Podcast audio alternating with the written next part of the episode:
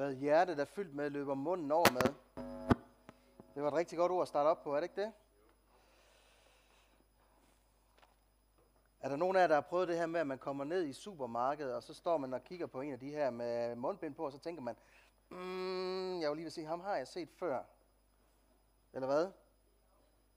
Jeg var nødt til det her forleden dag her. Jeg var helt sikker på, at det var en fra kirken af, og var nødt til at sige, okay, Ruben, er det dig? Ja, det var det. Så kunne vi så hilse på hinanden her. Så der kan godt opstå noget sjov ved det her med mundbindene alligevel.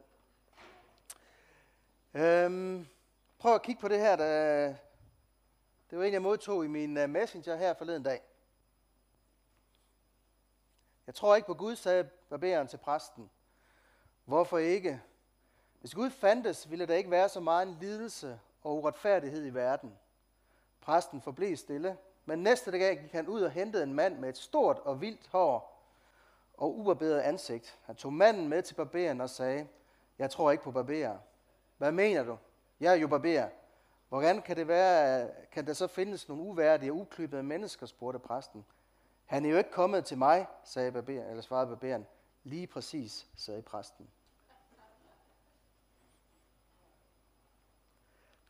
Den indeholder en sandhed. En sandhed, der handler om, at der kan ske mange ting omkring os. Og det, der er rigtig vigtigt, når der sker ting omkring os, det er, at vi kommer til Gud med det. Og især i den her tid, hvor vi står i alt det her, som øh, dybest set er grobund for kaos, så er det rigtig vigtigt, at vi kommer til Gud med det. Der foregår ting omkring os, som vi ikke har kontrol over. Og der foregår også ting, som vi ikke forstår. Vi kan godt øh, tænke på, at de her politikere, de tager nogle beslutninger. Og nogle af dem er ikke til at forstå, hvorfor de tager dem. Men det vi kan, det er, at vi kan bede.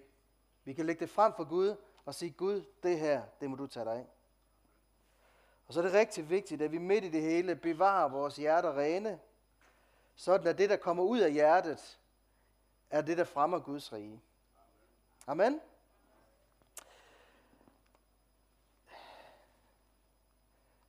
Jeg synes, jeg er et rigtig godt sted her i dag.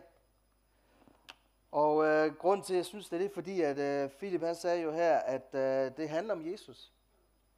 Og jeg har lyst til at snakke om Jesus her i formiddag. Så øh, det er det, der kommer til at komme ud af mit hjerte den her formiddag, det er, at jeg kommer til at snakke om Jesus. Og det, øh, hvis ikke du har lyst til at høre det, så er du nok det forkerte sted den her formiddag. Øh, vi er en kirke, og her er Jesus i fokus. Så Jesus, vi inviterer dig til at tale til os den her formiddag ved din hellige ånd, far. Og jeg giver fuldstændig øh, Philip ret til, at, at vi beder om, at du opmuntrer os den her formiddag her, og får os til at løfte blikket og se på dig, Jesus. Og se på det, som du har givet os, og de muligheder, som du har givet os, far. Amen. Jeg øh, havde her for nylig en oplevelse, som jeg egentlig har haft lyst til rigtig længe. Og det var, at jeg kom på retræte. Øh, man kan godt have nogle holdninger til den, og min holdning i starten her, inden jeg gjorde det, det var, at det her, det vil jeg prøve en gang. Og jeg tænkte sådan nogle gange, okay, det er sikkert mennesker, der er fuldstændig ude i tårne, der tager på retræte. Men sådan havde det ikke. Men jeg havde bare den her indre fornemmelse, at det her, det skal jeg engang. Og jeg startede med at tænke, okay, det må jeg jo få tid til engang. Og der fandt jeg ud af, at det får man aldrig. Så man er nødt til at tage sig tid til det. Så jeg øh, fandt ud af, at der var et retræte et sted, der var en hel uge. Og så lagde jeg det ind i min kalender for øh, et godt stykke tid siden. Og så værnede jeg om den uge der. Fordi jeg havde besluttet for, at nu skal jeg det her. Det fornemmede jeg, at jeg skulle. Jeg tænkte ikke så meget over det. Jeg holdt den sådan øh, åben. Jeg værnede om den. Men jeg havde ikke meldt mig til. Og jeg ringede til øh, dem, der øh, kører det her retræte øh, 14 uger før, eller 14 uger, 14 dage før, og sagde, ved du hvad venner, jeg er præst i en kirke her, vi står midt i coronatid, kalender det er sådan noget, man smider op i luften og håber på, at der kommer noget ned igen. Jeg aner ikke, hvordan mine dage ser ud lige i tiden, fordi det hele det kan blive lavet om på grund af de beslutninger, der sker omkring os. Og så sagde de til mig, ved du hvad, hvis du bare melder dig til søndag aften, øh, så er det fint. Så jeg fik rimelig stor frihed, hvad det angik. Øh, det kunne lade sig gøre, så få dage før, så meldte jeg mig til retræten. Jeg havde ikke lige helt læst igennem, hvad det gik ud på. Det ved ikke, om der er nogen af jer, der har prøvet det. at øh, melde sig til noget, hvor man ikke lige har helt læst igennem, hvad det her det er, man melder sig til. Øh, fordi da jeg gjorde det, så opdagede jeg to ting. Nummer et, det var, at det var en uge uden telefon og computer. Jeg kan også se, at nogle af jer begynder at tænke, Åh, kan det lade sig gøre? Og især teenagerne, de tænker, nu taler han godt nok volapyk. Er det ikke rigtigt? En hel uge uden telefon, kunne I forestille jer det? Nej, eller smiler I bare for at være glade? Det var det første, jeg stødte på. Og så var der det andet, der kom en overraskelse, som jeg ikke lige havde gennemskuddet. Det var, at det var en stille retræte.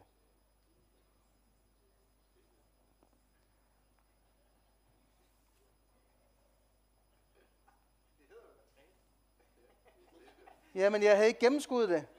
Og jeg kan se, at allerede nogle af jer bliver provokeret bare ved, at jeg holdt en kunstpause her på et par sekunder. Men forestil jer en hel uge i stillhed. Jeg måtte ikke snakke med nogen, og det måtte jeg jo godt. Jeg måtte jo også spørge nogle af de her ledere om noget her. Men tanken var jo, at man skulle simpelthen koncentrere sig om det, man var der for. Og det, man var der for, det var for at være sammen med Jesus. Jeg tog alligevel afsted. Og øh, jeg kunne godt tænke mig at dele bare nogle af de refleksioner, jeg fik med derfra. Og øh, vi startede om aftenen der med... Øh,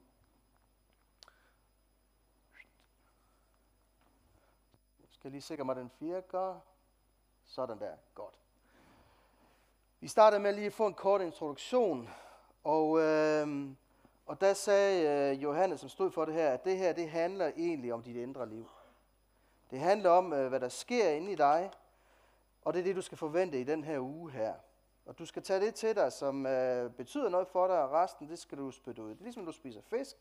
Du spiser fisken, og så spytter du benene ud. Og det er sådan en god opstart her. Øhm, og så gik vi over i den her stillhed her.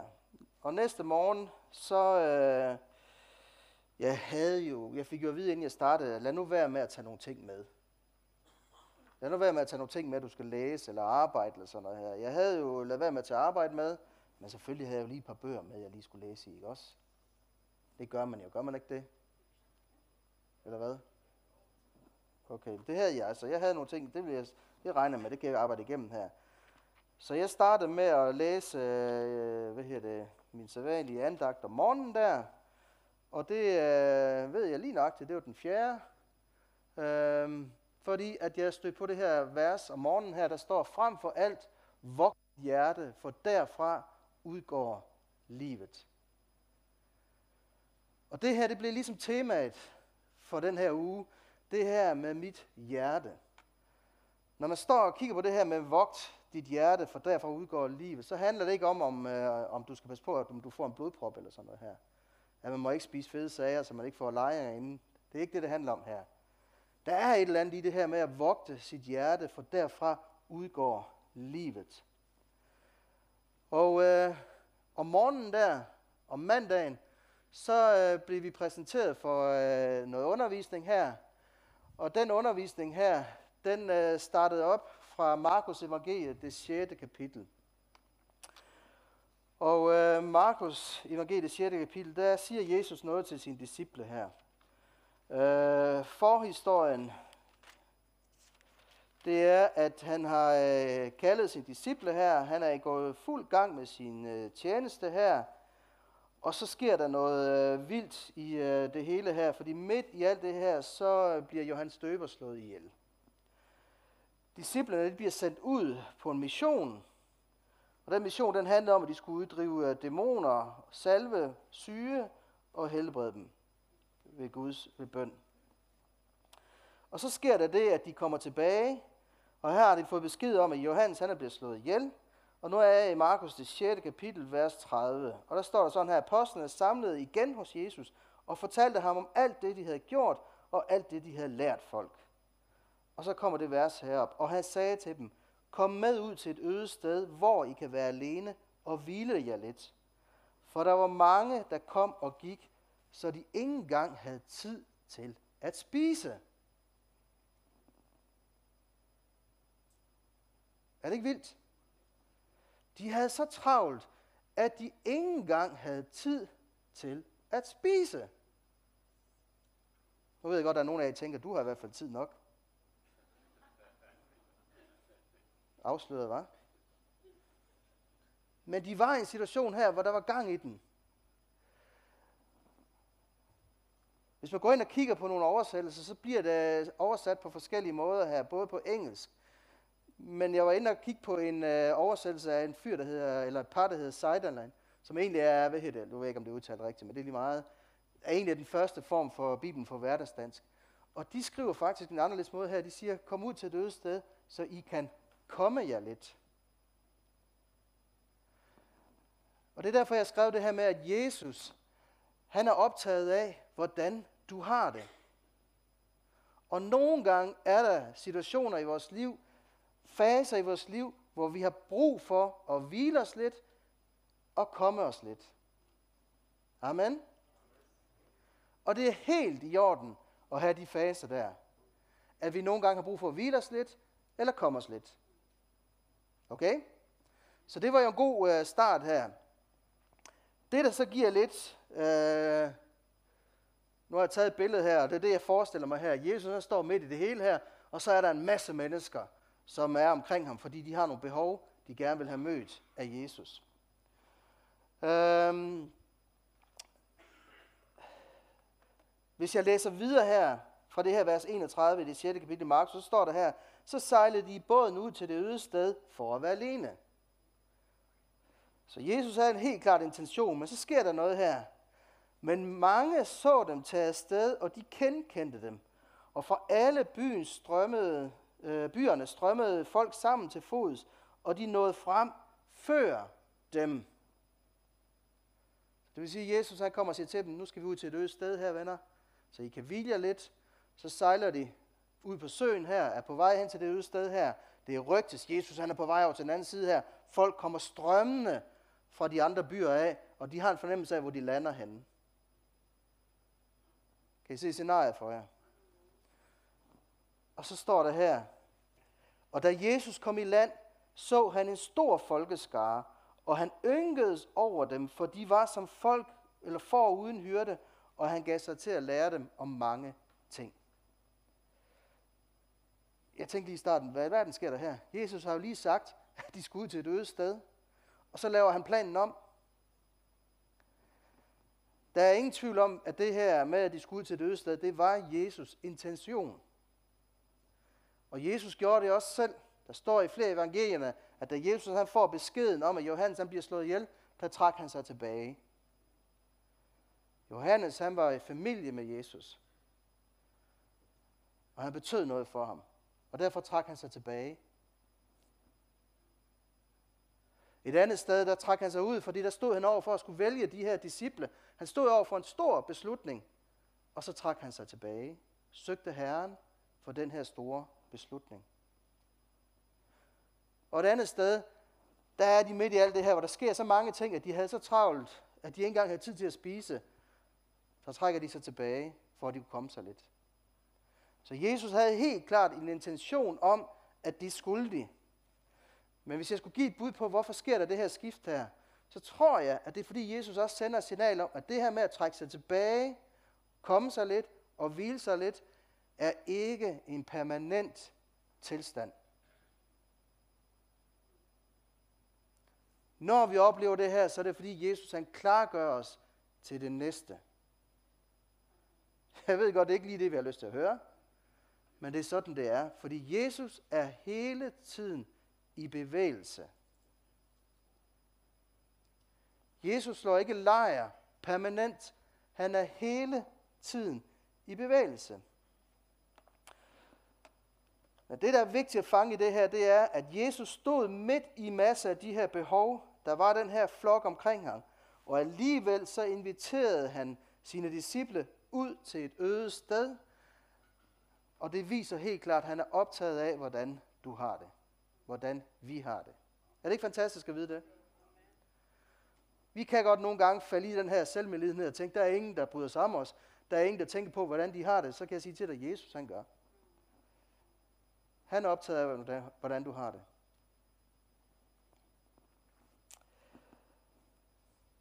Kender I ikke det her, vi har brug for det her?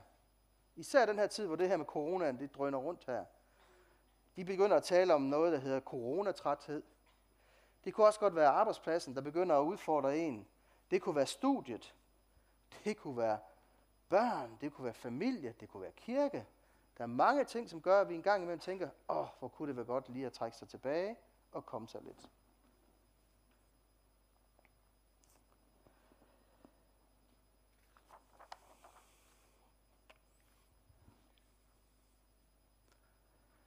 Nu øh, prøver vi at tage en historie, der ligner den lidt, og er en lille smule anderledes alligevel, og det er Johannes. Og nu skal vi bruge øh, fantasien lidt. Er I friske på det? Er I friske på at bruge fantasien lidt? Og var I søde. Vi øh, tager Johannes evangeliet, og det der er vigtigt at forstå, det er, at Johannes øh, evangeliet er skrevet på græsk. Johannes han skriver det her, hvor han er meget fokuseret på kærligheden her. Han øh, starter sit øh, kapitel op her, kapitel 1, med at tale om ordet, og så taler han om øh, Johannes døber, og man kommer direkte ind i Johannes døbers tjeneste der, og man kommer ind og ser, hvor Jesus og Johannes døber møder hinanden. Og så kommer man ind i øh, det første kapitel, vers 35, og overskriften for den her, den hedder, de første disciple kaldes. Og jeg læser fra vers 35. Næste dag stod Johannes der igen med to af sine disciple. Han ser Jesus komme gående og siger, se, der er Guds lam.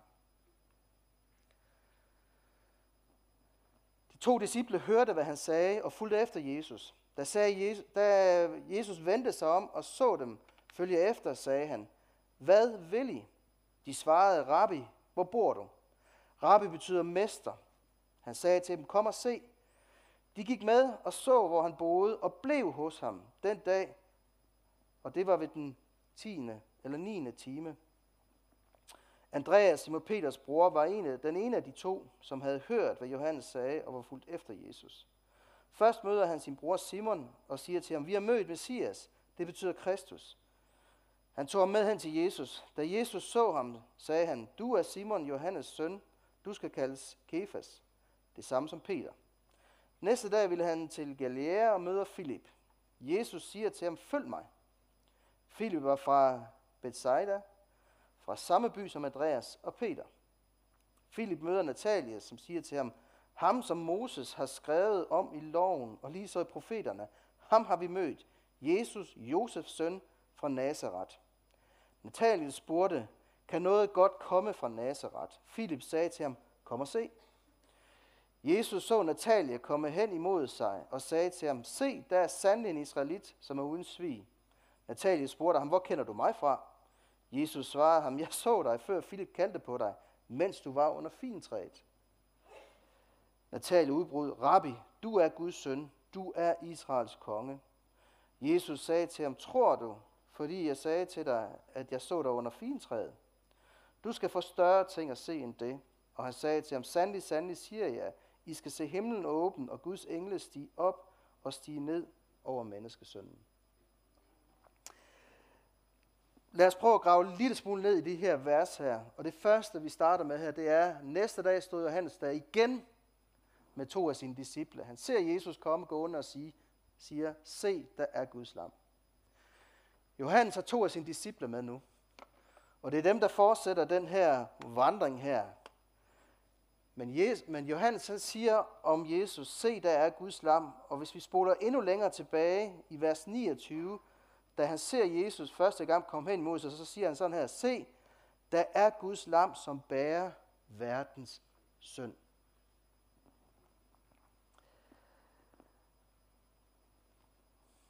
Hele historien her, der er der nogle folk, som får møder med Jesus og oplever ham. Og de vidner om Jesus på forskellige måder. Johannes han starter med at sige, det her det er Guds lam. Og jeg tror ikke på, at det er tilfældigt, at Johannes, der skriver evangeliet, ikke Johannes Døbert, men apostlen Johannes, at han skriver det her som det første. Fordi den første ting, der er vigtig i relation med Jesus, det er en erkendelse af, at Jesus han er Guds lam. At han kom til jorden som et offer for vores synd. Det er den første erkendelse i den her relation. Der er ingen andre. I kan godt sige, at han er en god mand, han er en god prædikant, men hvis vi skal have den her erkendelse, der leder os videre i den her relation, så er det en erkendelse af, at det her, det er Guds lom, lam, ikke lomme, lam, som er offer for vores søn. Amen.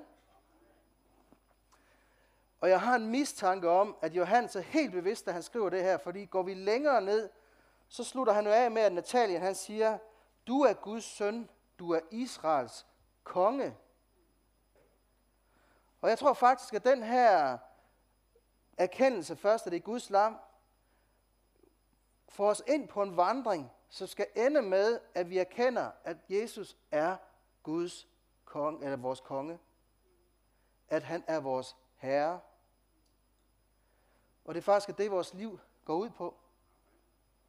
At vi indleder en vandring, hvor det går op for os, vi har brug for Guds lam. Og vi ender med at erkende, at det her, det er Jesus, som er herre i vores liv.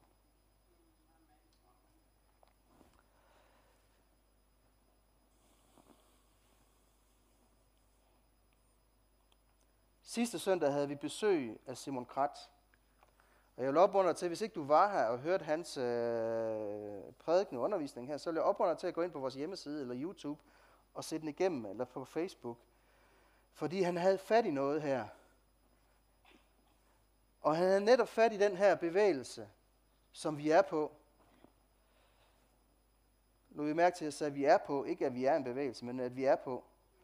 Fordi han beskrev det her med de to byer, de to former for borgerskab.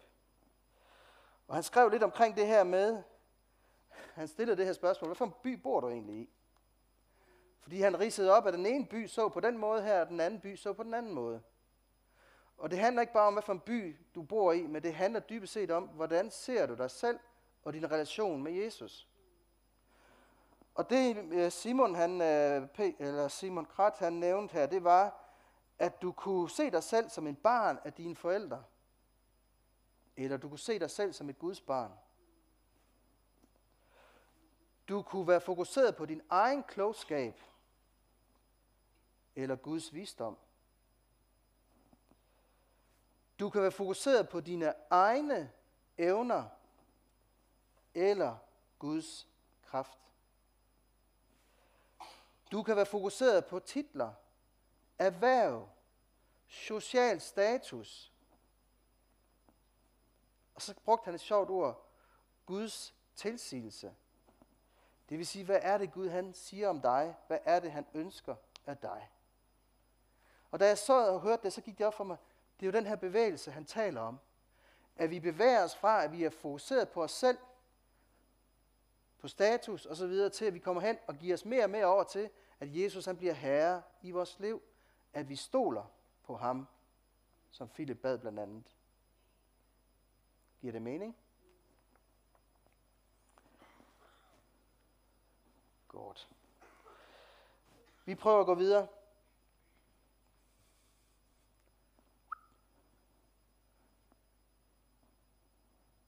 Se, der er Guds lam, Guds søn, du er Israels konge, og så er der en meget mikroskopisk pil, der viser, at vi er i en bevægelse. Øh, vi prøver den næste her. De to disciple hørte, hvad han sagde, og fulgte efter Jesus. Da Jesus vendte om, sig om, og så dem følge efter, sagde han, hvad vil I? De svarede, Rabbi, hvor bor du? Rabbi betyder mester. Har I nogensinde tænkt over, at Jesus han var menneske, men han var også Gud? Så han vidste alt. Og alligevel så stiller han dem et spørgsmål. Hvad vil I? Og det er fordi, nu bliver det alvor. Fordi nu skulle de til at tage en beslutning. Hvad vil de med det her? Med den her erkendelse af, at det her det er Guds offerlam. Og så stiller de et sjovt spørgsmål. Det er, Rabbi, hvor bor du? De anerkender, at han er mester. Og så spørger de efter, hvor bor du henne? Og svaret fra Jesus er, og du må gerne gå tilbage igen. Jeg har en fornemmelse af, at det er dig, der styrer det dernede. Nu er det ikke det, Benjamin? Du lod mig lige blive i den her fornemmelse af, at jeg selv gjorde det i en overgang. Tak skal du have. Det her spørgsmål er faktisk ret vigtigt. Fordi på det tidspunkt her, der var det her med hjemmet helt anderledes, end det er i dag. Og det, at de inviterer sig selv næsten til at finde ud af, hvor bor Jesus han, det er næsten uhørt en god historie, det er for eksempel, da Zacchaeus, øh, som er en toller her, han, øh, der inviterer Jesus sig selv hjem til ham. Og jøderne omkring ham gik mere eller mindre selvsving, fordi det var fuldstændig uhørt, at nogen inviterede sig selv indenfor. Og det gør de her. De spørger, hvor bor du henne? Og det, der er interessant i det her, det er, at øhm, kom og se, siger Jesus så. De gik med og så, hvor han boede, og blev hos ham den dag, og det var det ved den 9. time. Jesus inviterer dem til at komme og se. Han inviterer dem til, kom nu med. Og der kommer den næste sætning, som jeg har skrevet på her. Jesus lod dem være sammen med ham, inden de tog en beslutning om, at de vil følge ham. Er det ikke vildt? Jesus inviterer dem tæt på og siger, prøv lige at komme og møde mig. Prøv lige at være sammen med mig i mit hjem her, inden I følger mig. Og det er lidt udfordrende for os nogle gange som kristne, fordi vi har en eller anden, nogen har i hvert fald en forestilling om, at der er en række følger, vi skal følge. Men her giver Jesus plads til, at de kunne få lov til at komme tæt på ham. Det er ikke tilfældigt, at Johannes han skriver den 9. time. Det var derfor, jeg sagde, at han skrev til grækerne og romerne. Den 9. time, hvad var det? Åh, oh, det er ikke et trickspørgsmål. Det var klokken 9. Surprise! Så han inviterede dem hjem om formiddagen. Og så forlod de hen på aftenen. Så de var sammen hele dagen. Hvad siger du? Ja, det var lang prædiken, ja. Det er rigtigt. I kommer ikke til at sidde her lige så lang tid, bare rolig. Men det viser, at Jesus han var sammen med de her mennesker, de her få mennesker, så lang tid her, inden de betog en beslutning. Den 9. time er også det tidspunkt, hvor Jesus han dør i forhold til korsfæstelsen. Det er derfor, jeg siger, at jeg tror ikke på, at det er tilfældigt, at Johannes han nævner det her med den 9. time. Så nogle gange, så er der nogle mennesker, som bliver inviteret tæt på af Jesus, og får lov til at være sammen med ham, inden de beslutter sig for at følge ham. Okay? Godt. Um, så det vi kan lære af det, det er, at de stolede faktisk på ham. De havde set ham, inden de tog en beslutning om at følge ham. Og her oplever vi nogle gange en kamp, at vi nogle gange tager en beslutning, uden at vi faktisk har fået det her med, at vi egentlig stoler på ham. Og det er også okay, men begge muligheder er der. Øhm, og grunden til, at det slog mig, da jeg læste det her, det er lige i øjeblikket, jeg er i en fase nu her, hvor jeg bliver kon- altså connected. Det vil sige, at jeg bliver bundet op af nogle mennesker. Eller Gud han connecter mig med nogle mennesker, som nogle af dem er virkelig en udfordring. Og jeg snakker ikke om jer. Rolig nu. Men jeg sidder med nogen, som, øh, som jeg er i gang med at, at disciple. Og nogle af dem det er virkelig en stor mundfuld. Og de er virkelig svære at flytte. Jeg kan ikke bare sige, se der er Guds lam, og så rækker de hænden op og siger, jeg vil give mit liv til Jesus. Det gør de ikke. De har været bundet ind i nogle ting i så mange år, at de flytter sig ikke bare fra den ene dag til den anden. Og her er jeg virkelig blevet udfordret. Og her blev jeg opmuntret, da det gik op for mig. Nogle gange, så skal de komme og se Jesus, inden de tager beslutningen. Så jeg har fundet ud af, at min taktik, den er egentlig meget enkel. Jeg skal bare være som jeg er, og fortælle, hvad jeg oplever med Jesus. Og på den måde deler jeg de gode nyheder, og så beder jeg om, at der kommer et tidspunkt, hvor det lykkedes det her. Og da jeg så det her, så fik jeg sådan et sjovt billede. Jeg ved ikke, om der er nogen af jer, der har opdaget, at der er sket en fantastisk revolutionerende opfindelse her igennem de senere år. syltetøjsglas låg. Er nogen, der har opdaget det? I dag, der kan man faktisk få sådan et låg, der bare åbner sig. Er ikke nogen, der har opdaget det? Der findes stadigvæk nogle, det er sådan en sjov ring, der sidder rundt her, så man, man skal ikke kæmpe med at åbne den længere. Der findes stadigvæk nogle producenter, som stadigvæk har det gamle. Har ikke prøvet det her med, at der er kommet luft ind under den her, og man kan bare ikke åbne den. Og konen, hun gør jo det, hun gør. kan du ikke lige åbne den her? Så står man der. Og især hvis der er gæster til stede, ikke også? Man er ved at forberede en middag her, så siger jeg, kan du ikke lige åbne den her? Og man står der, og så kommer svigersønnen og åbner den for en. Hvad er det for noget? Jeg siger ikke, at når jeg går hen og køber rubeder nu her, så køber jeg kun dem med låg her. Det siger jeg ikke. Men det har en stor effekt i øjeblikket. Det er klart, at en af de ting, jeg har reflekteret efterfølgende om, det er jo, at efter den her opfindelse, den er kommet, så er det jo forsvundet en af de mere grundlæggende elementer for, hvorfor vi er gift.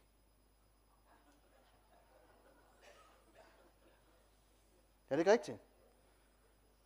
Bob, bob, bob. Okay. Der er ikke skriftmæssig øh, belæg for den her. Okay. Jesus kommer med en invitation til disciplene her om at følge med. Og de får lov til at komme tæt på og se ham. Og det er fordi han ønsker den relation her. Læser man igennem her, så er der en af dem, der siger, at vi har mødt Messias. Der er en, der siger, vi har mødt ham, Moses har skrevet om i loven. Israels konge. De møder ham på forskellige måder her. Men det, der er grundlæggende for det her, det er, at Jesus kommer med en invitation. Ligesom den her, jeg læste op i starten, hvor præsten han siger, laver det her med, jamen de kommer jo ikke til mig. Så er der en invitation til Jesus til at følge ham. Og det jeg blev styrket i under min retræte her, det var egentlig, hvor kraftfuld den invitation dybest set er. Jeg vil godt vise jer et skriftsted her. Øh, hvis du lige kører videre, Benjamin. Øh, han sagde, kom og se. De gik med og så, hvor han boede og blev hos ham. Den dag her, vi prøver at køre en tand videre. Vi sang om den gode hyrde. Og her i Johannes evangeliet 10. kapitel, vers 14 til 15, der står der sådan her, Jeg er den gode hyrde. Jeg kender mine får, og mine får kender mig. Ligesom faderen kender mig, og jeg kender faderen, og jeg sætter mit liv til for forerne.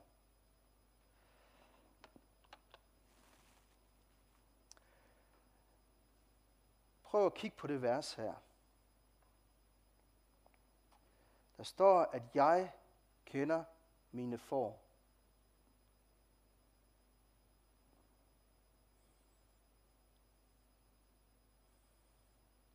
Han kender dig. Og når han kender dig, så er det ikke bare fordi, du har en eller anden blå trøje på eller noget andet her. Han kender dig. Fuldt ud. Det næste, det er, at du må gerne blive der stadigvæk. Tak skal du have, Benjamin.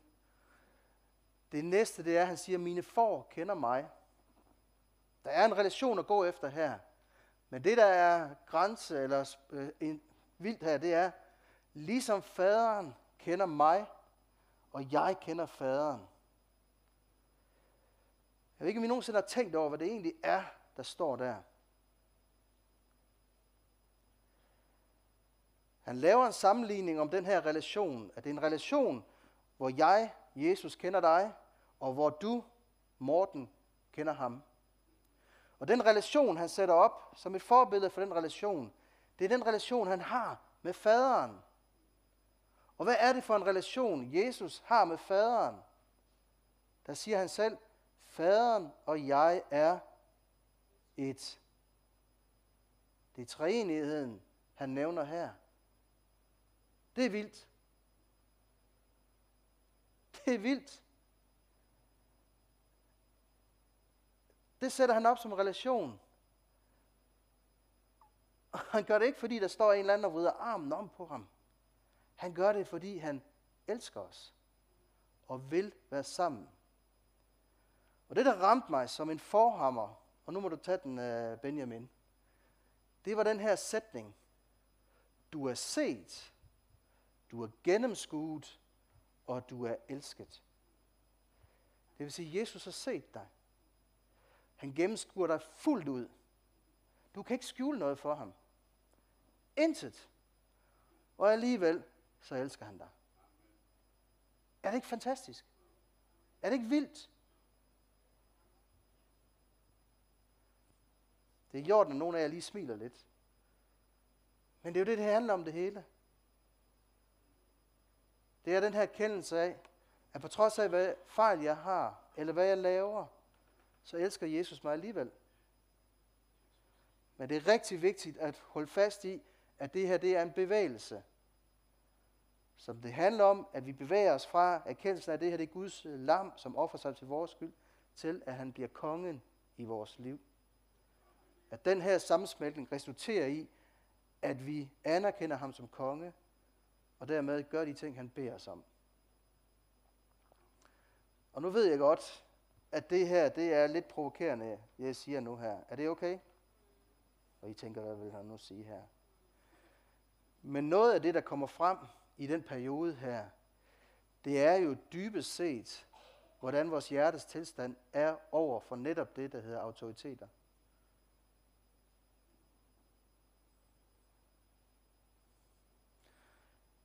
Fordi hvordan kan vi, som Philip siger, anerkende en autoritet, som vores regering, som Bibelen taler om, er indsat af Gud?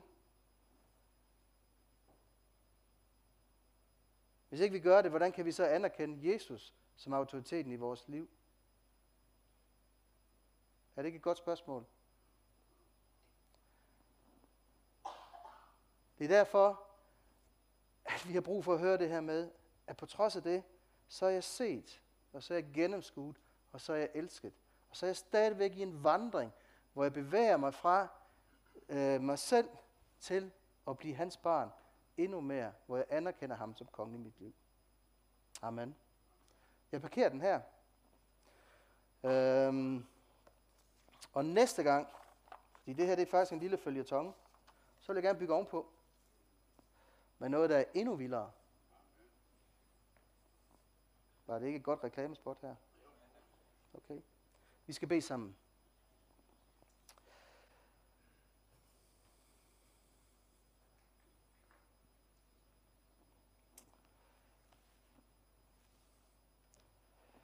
Det, jeg har lyst til at sige til dig, som sidder her og måske ikke har taget den her beslutning om, du vil følge Jesus, så har du nu to muligheder. Den ene, det er, at du kan slappe af i det. Men jeg opmuntrer dig til i hvert fald og prøve at lære ham mere at kende. Hvis du sidder her og ikke har taget nogen beslutning om, at du vil følge ham, og ved, det vil jeg, eller du måske har brug for at sige, Jesus, der er noget, som lige er blevet lidt lunken her, så har du mulighed for det, når vi er sammen nu her.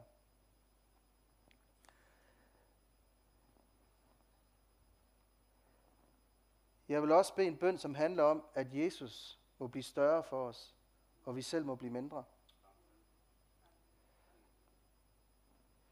Kære Jesus, jeg takker dig for, for dit ord, far. Jeg takker dig, fordi at du er her midt i blandt os, Jesus. Jeg takker dig, fordi at du øh, vil os, far. Du ønsker at være sammen med os, her. Nu beder jeg for, for enhver, som sidder her for dig, Jesus. Jeg beder for dem, som er på en vandring nu, og endnu ikke har taget en beslutning her. Jeg beder bare om, at de den her formiddag bare må tage en beslutning om, at de i hvert fald vil lære dig mere at kende, inden de overgiver sig fuldt ud til dig som deres konge. Jeg beder for dem, som øh, sidder nu og siger, at jeg vil følge dig, Jesus. Tag imod dem, far. Og lad dem mærke din fred nu her, som en bekræftelse på, at den her beslutning er den rigtige beslutning, Jesus. Så beder jeg for os, som har vandret med dig i flere år, far, at vi må komme ind i en tid, hvor den her vandring, den bliver opflammet, far. Hvor vi kommer til en større erkendelse af, hvem du er, og hvad det egentlig er, du gør ved os, far. Den her vandring, hvor vi bevæger os fra at være os selv til at blive dine børn endnu stærkere. Vi ved, at når vi tager beslutningen, så er vi dine børn, far. Men der er mere at komme efter Jesus. Og den her sammensmeltning, herre, så vi bliver et, ligesom du er et med din far, den giver vi dig lov til at fremme i vores liv, Jesus.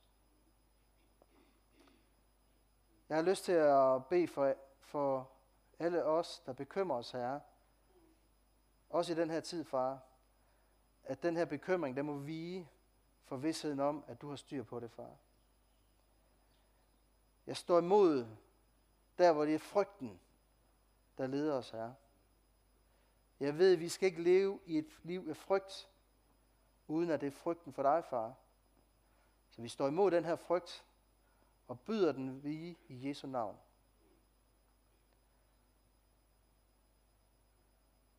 Og så beder jeg for enhver, som er syg den her formiddag, far.